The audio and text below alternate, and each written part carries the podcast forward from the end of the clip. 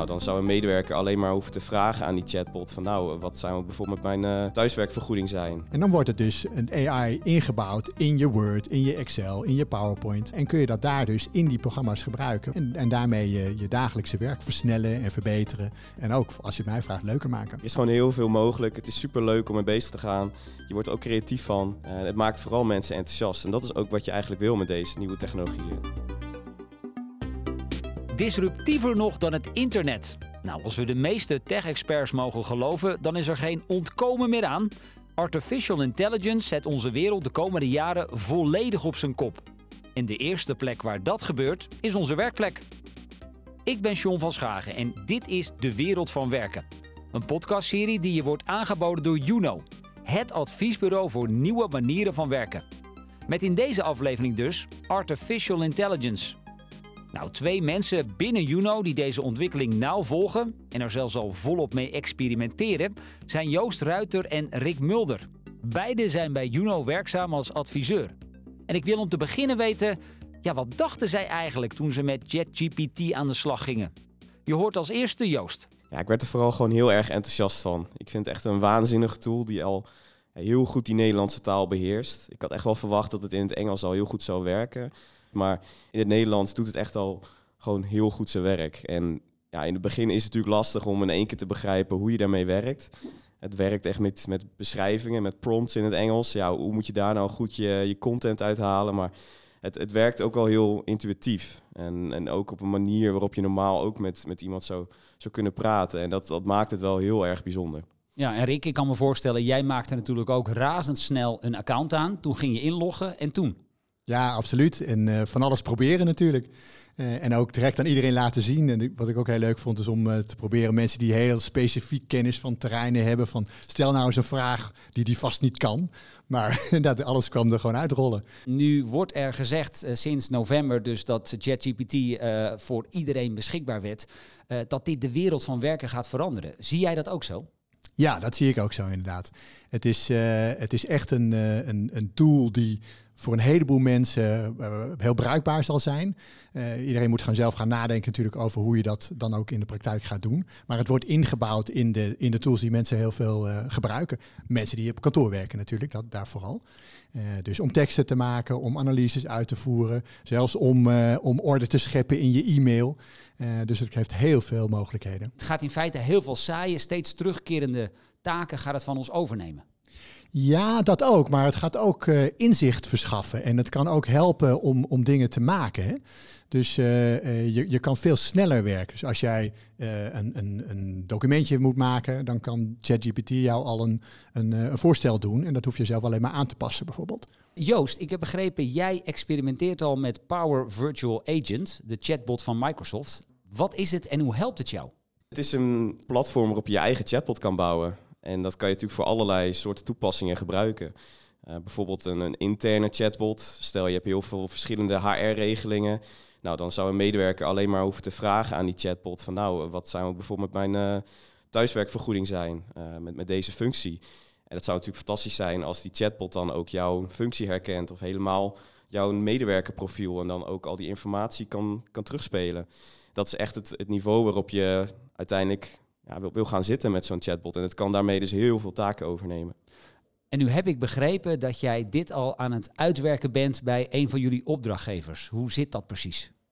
Ja, ik ben bezig bij een grote gemeentelijke organisatie om daar een, nou, onder andere een leerportaal te maken met instructies. Uh, die instructies laat ik ook deels genereren door AI, uh, eh, illustraties ook.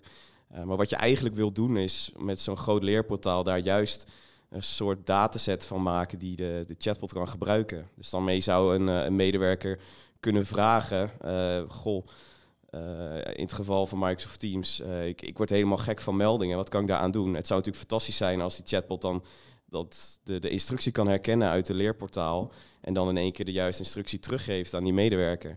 Daarmee hoeft die medewerker helemaal niet meer te zoeken in een kennisbank. Of het te vragen aan een collega bijvoorbeeld. Inderdaad, ja. En, en, daar gaat juist heel veel tijd in zitten. Ook, ook het bellen met een helpdesk bijvoorbeeld, ja, dat, dat wordt dan een stuk minder.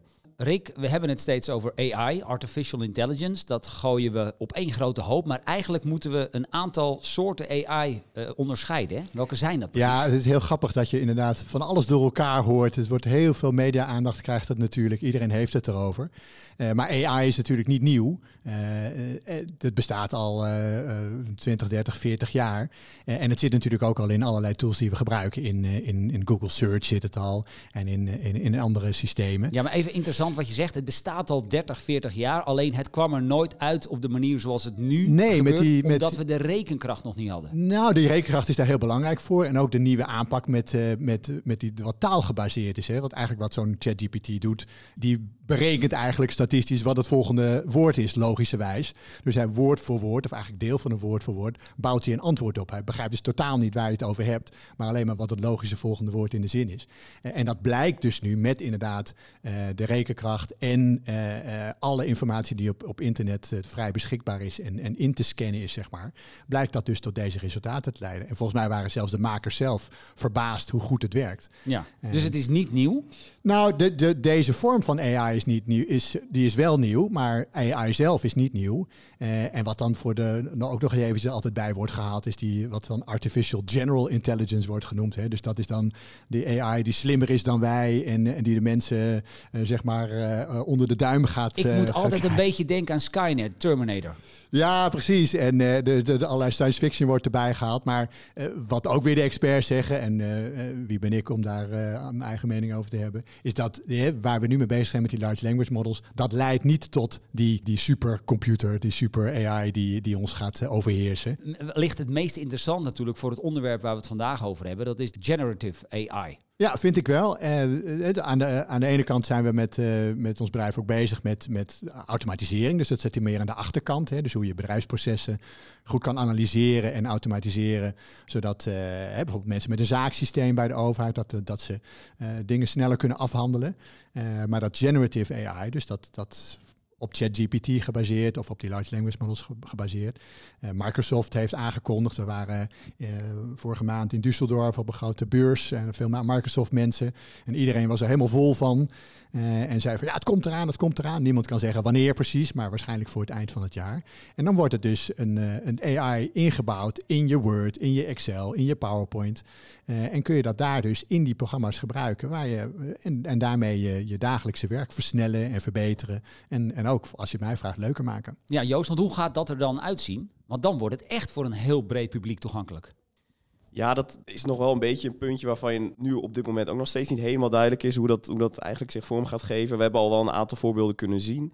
Waarbij je bijvoorbeeld, nou ja, zoals Rick eigenlijk ook al zei, je kan je PowerPoint zelf laten genereren, je, je Word-documentjes. Dat, daar hebben we op zich al wel een beeld van. Waar we nog niet zo goed een beeld van hebben, is eigenlijk hoe die dat zelf gaat doen. Hè? Hoe die co-pilot dat gaat genereren. En, en wat je daarvoor aan data nodig hebt. Hoe je dat gaat klassificeren bijvoorbeeld. En ik denk dat daar ook nog een hele belangrijke stap in zit voor, voor organisaties. Maar denk jij wel dat dit ons werk een stuk makkelijker gaat maken? Ja, dat zeker. Je hebt veel meer tijd om na te denken over de, de complexere delen van je baan het gros van het werk waar je mee bezig bent. Het, het maken van grote delen van een PowerPoint. Het tikken van e-mailtjes kost mij heel veel tijd. Ja, inderdaad. En daar, ja, dat zijn echt de, zaken die je straks kan, uh, kan laten overnemen door zo'n co-pilot. Interessant zijn natuurlijk die AI-assistenten. ChatGPT hebben we het zojuist al over gehad, maar er zijn meer voorbeelden.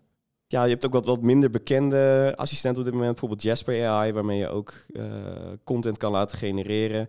Je hebt ook heel veel tools die je nu via tekst naar images. Dus je vult alleen maar een beschrijving in van een illustratie. Dan kan hij die illustratie geven. En op dit moment is Midjourney het beste daarin. Uh, je hebt ook wel Stable Diffusion. En die tools die werken echt al waanzinnig. Dat is, dat is echt niet normaal wat je daar nu al uit kan halen aan, aan illustraties. Google werkt bijvoorbeeld nu ook met Google Sidekick. Uh, Amazon komt met een aantal assistants daaraan. Uiteindelijk als developer, als software developer, was bijvoorbeeld uh, GitHub Copilot ook al een tijdje beschikbaar, ook voordat ChatGPT er was. Ja, dan hoef je veel minder code te kloppen, hè? Inderdaad, en dat is ook wel een, aspect ja, waar het, is voor ons een beetje lastig in te schatten. Wij zijn geen techneuten, hoe, hè, hoeveel tijd daarin gaat zitten, maar ja, we, we, hebben al wel begrepen dat het echt de automatisering daarin en de hoeveelheid tijd waarmee je nu straks een software-applicatie kan bouwen, dat dat echt drastisch omlaag gaat. Nu hebben jullie onlangs een roundtable georganiseerd met managers van verschillende gemeenten, nutsbedrijven, ook multinationals. Rick, zag je daarin dat mensen het al begrijpen? Of welke vragen stellen ze zoal? Eh, er is heel veel interesse. Uh, iedereen wil, uh, wil het naadje van de kous weten. ja, het zijn natuurlijk allemaal nog dingen die zich ontwikkelen.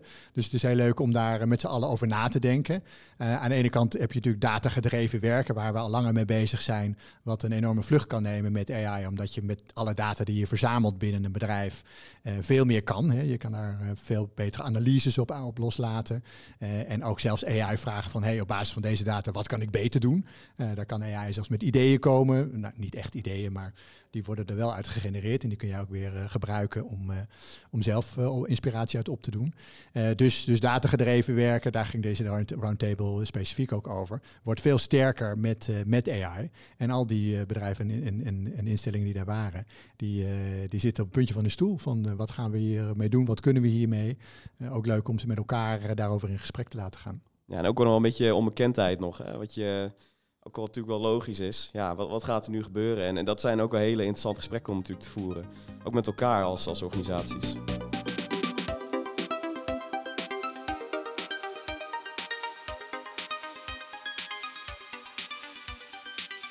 We zien al die nieuwe applicaties, we zien al die nieuwe tools op de markt. En jij zegt, heel veel managers in het bedrijfsleven die kijken om zich heen en denken van, oh jee, wat zijn de gevolgen voor ons? Ja, wat ik zou zeggen is begin gewoon klein. Uh, kijk, kijk naar een eerste stap. Wat zou nou een, een mooi proces zijn binnen je organisatie om te kunnen automatiseren? Uh, organiseer een keer een inspiratiesessie. Zorg er ook voor dat je binnen je bedrijf nu al uitlegt wat er mogelijk is met AI. Eh, geef bijvoorbeeld ook al in, nieuwsberichten aan wat je wel en niet moet doen binnen ChatGPT. Want we weten immers dat het ook wel een, een gevaar kan zijn als je daar bedrijfsvertrouwelijke informatie in zet. Uh, maar een andere kleine stap zou al kunnen zijn van ja, ga je data misschien wat op een slimmere manier organiseren. Uiteindelijk weten we nu al dat heel veel tools die, die data klassificatie nodig hebben om goed te werken. Dus als je allemaal kladdocumenten door je normale documenten hebt staan, ja, kan zo'n AI-tool wel begrijpen wat, wat klad is en wat niet. En ja, misschien moet je daarin wel al even met een aantal uh, slimme koppen daarna gaan kijken. Ja, Rick, ik hoor hier een beetje governance klinken. Dat, dat moet je echt wel op orde maken dus.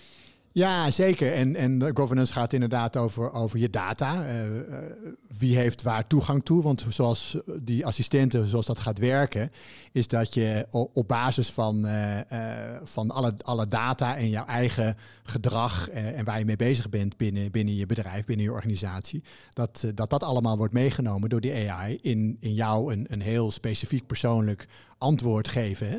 Uh, maar als je dat niet op orde hebt, als jij geen toegang hebt tot, uh, tot informatie of als je dat allemaal een zootje is, uh, dan komen daar de slechtere antwoorden uit. Dus daar kun je al over gaan nadenken. Het tweede is, hè, wat, wat Joost natuurlijk ook al zei, van maak, ga ook nadenken over wat je wel en niet wil en durft. Hè. Daar, we zien nu bij veel, veel ICT-afdelingen en security mensen en, en, en, die gaan met de hak in het zand. Van ja, dit, dit is waar staat die data? En dat is ook een, een terechte vraag. Hè? En kun je nou een voorbeeld geven? Welke data zou je bijvoorbeeld niet met een zo'n open AI willen delen? Nou, wij hebben bijvoorbeeld hier zelf intern, wij werken met klantgegevens van onze klanten. En er is een volstrekte no-no dat je dat gaat stoppen in, in ChatGPT, wat een publieke dienst is. We zijn proberen er met z'n allen ook achter te komen op het moment dat dat Microsoft Copilot komt en dat Google Sidekick. Van blijft die data ook echt wel binnen je eigen bedrijf? Dat beloven ze. Maar, maar is dat ook echt zo? Of gaat dat toch naar Amerika? Ja, dus als jij bijvoorbeeld in Word een offerte opstelt, wil je natuurlijk niet dat dat de volgende dag al op straat ligt. Nee, nou ja, op straat, eh, dat is ook de vraag hoe komt dat weer naar buiten. Maar het staat in ieder geval op een server waar het niet hoort. En dat kan ook in Amerika zijn. En dan ben je echt in overtreding van de, van de wet ook, als het ook om ehm, eh, persoonsgegevens gaat bijvoorbeeld. We zijn nu al een beetje aan het praten over wat je nu al kunt doen om uh, hè, met dit soort toepassingen aan de slag te gaan. Draagvlak, Joost, hoe zit het daarmee? Uh, het is heel belangrijk dat je nu al nadenkt inderdaad over dat draagvlak. we weten al dat die AI-toepassingen er aan gaan komen in de komende jaren. Dus daarmee ook heel belangrijk dat je je collega's, uh, überhaupt alle medewerkers van het bedrijf al bewust maakt van de, de mogelijkheden van die toepassingen. Jij zegt de mogelijkheden, maar misschien ook wel de bedreigingen. Want er zijn ook mensen die zullen denken, ja, daar gaat mijn baan. Zeker is het al zo dat heel veel van onze kantoorbanen op een of andere manier gaan veranderen. En dat er dus ook delen van je werk kunnen worden overgenomen. Aan de andere kant opent het ook juist heel veel kansen juist weer, om, omdat je veel meer tijd hebt voor alle complexere zaken van je, van je baan. En daarnaast wordt het, eh, het stukje data in het bedrijf veel belangrijker, waardoor er ook weer banen daarmee bijkomen die, die daarmee op gaan focussen. Een stukje data science wordt veel belangrijker. Ja, hoe zie jij dat, eh, Rick? Ehm, de angst bij mensen dat hun eigen baan misschien wel op de tocht staat? Ik ben optimistisch daarin. Uh, het, het, gaat wel aanpassing vergen, dat, dat is altijd zo. Ik denk dat je het kan zien in, uh, in een langjarige geschiedenis van, van, van innovatie. Vanaf de zeg maar, de industriële revolutie af.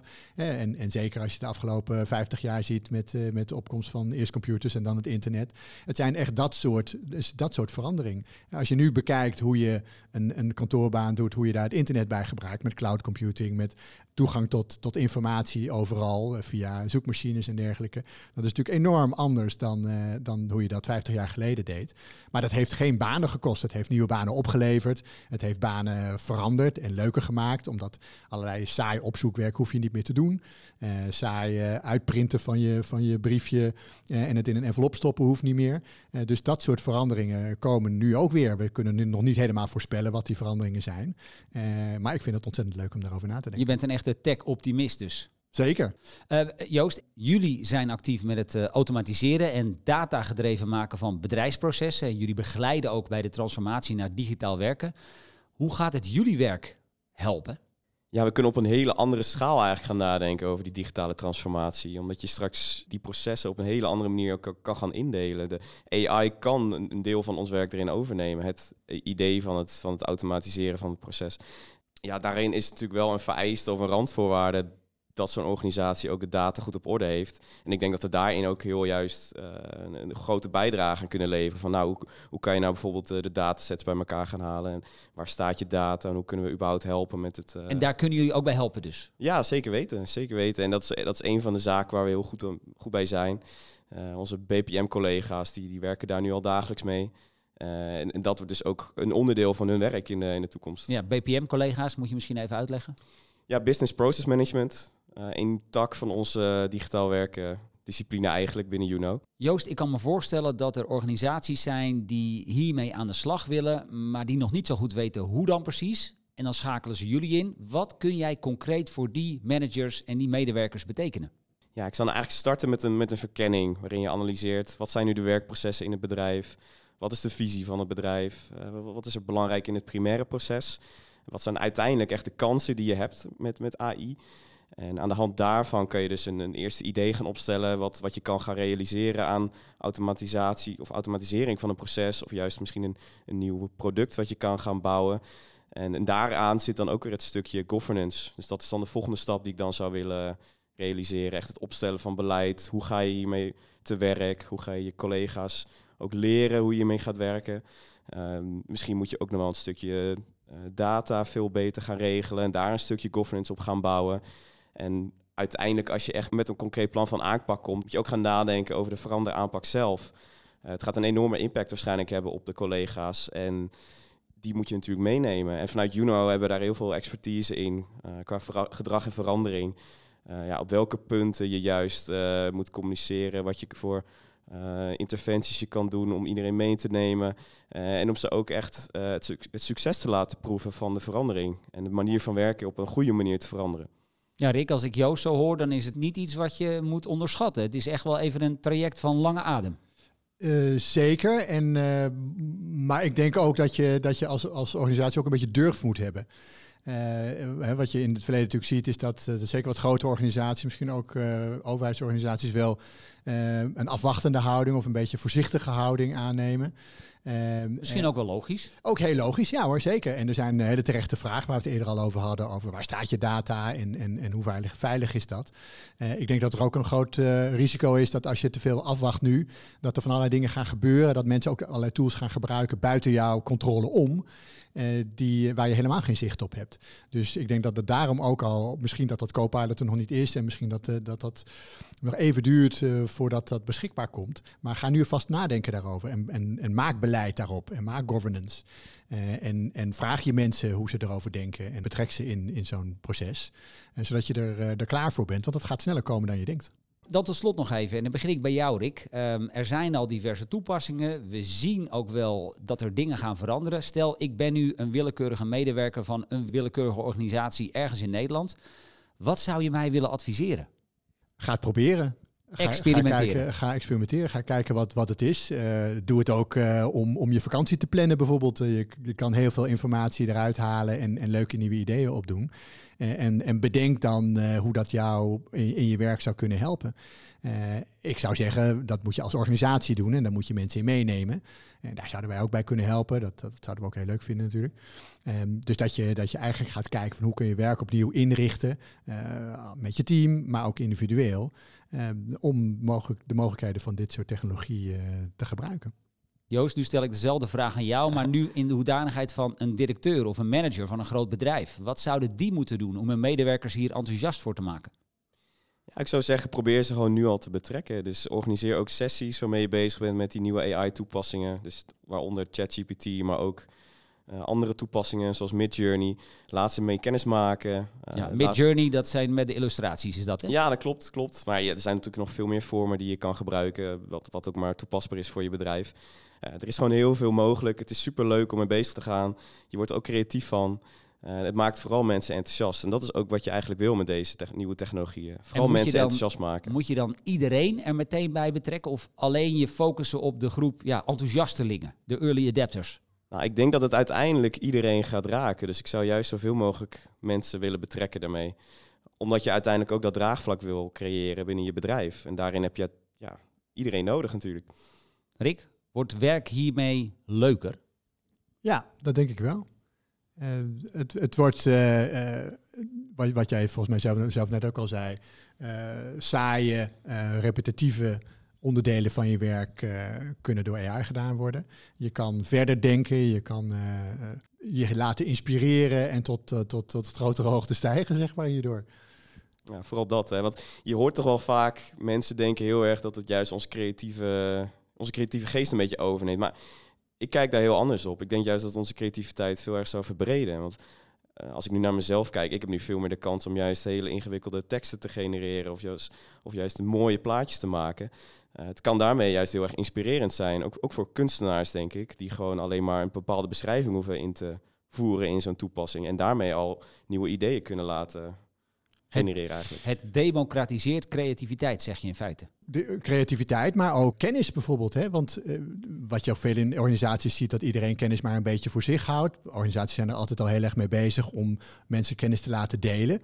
Maar heel veel mensen hebben daar ook niet misschien de, de zin in of de capaciteiten voor. Die vinden dat, dat ze geen mooie tekstje kunnen schrijven. Nou, als jij een idee hebt of een stukje kennis wat je wilt delen of iets wat je gedaan hebt, dan kan je dat door, door, door een, eh, zo'n chatbot tot een mooi stukje content laten maken. En dat delen met je collega's in een kennisbank of op een sociaal platform bijvoorbeeld.